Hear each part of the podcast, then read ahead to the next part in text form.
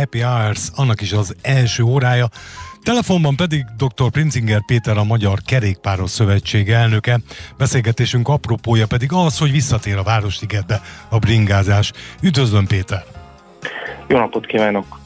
Milyen formában kell ezt érteni, hogy visszatér a, visszatér a bringa a Városligetbe, illetve a ligeten belül hol lesz majd ez? Vagy hol van?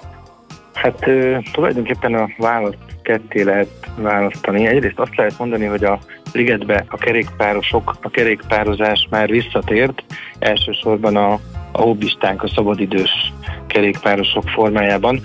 Ami most az újdonság az az, hogy a profi sport is beköltözik néhány napra a Városligetbe.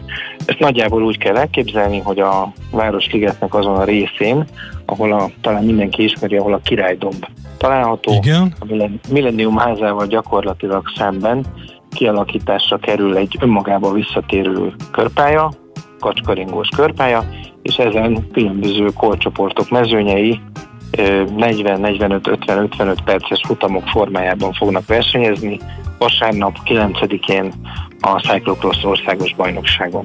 Akartam volt mondani, hogy ez akkor evidens módon cross lesz, mert hogy ott a terepviszonyok másan nem igen adnak lehetőséget. Mennyire népszerű egyébként a bringások körében nálunk Magyarországon a cross szakák, ha, ha ezt így hívhatjuk?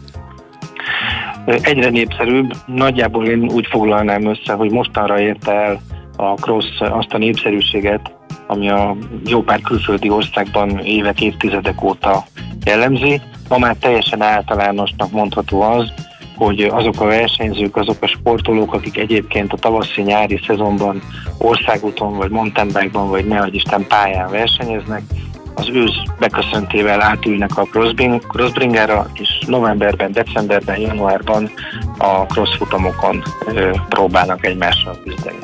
Mennyire közönségbarát ez a szakág?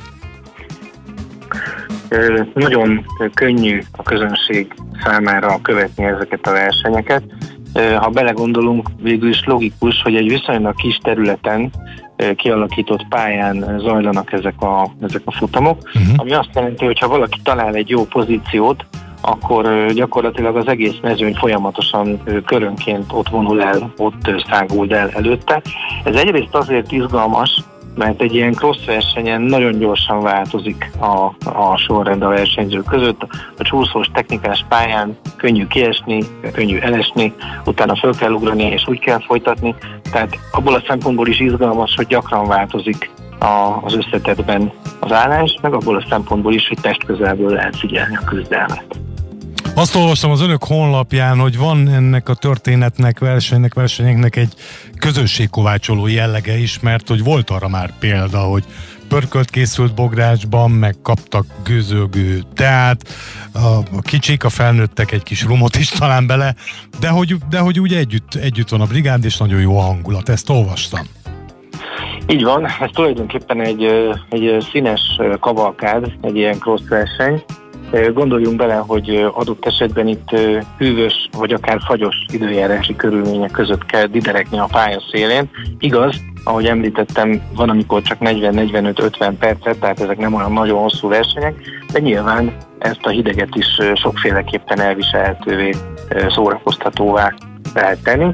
Ráadásul itt ugye az történik, hogy jellemzően ezek a versenyek városias környezetben szervezhetők, ezért könnyen megközelíthetik az érdeklődők.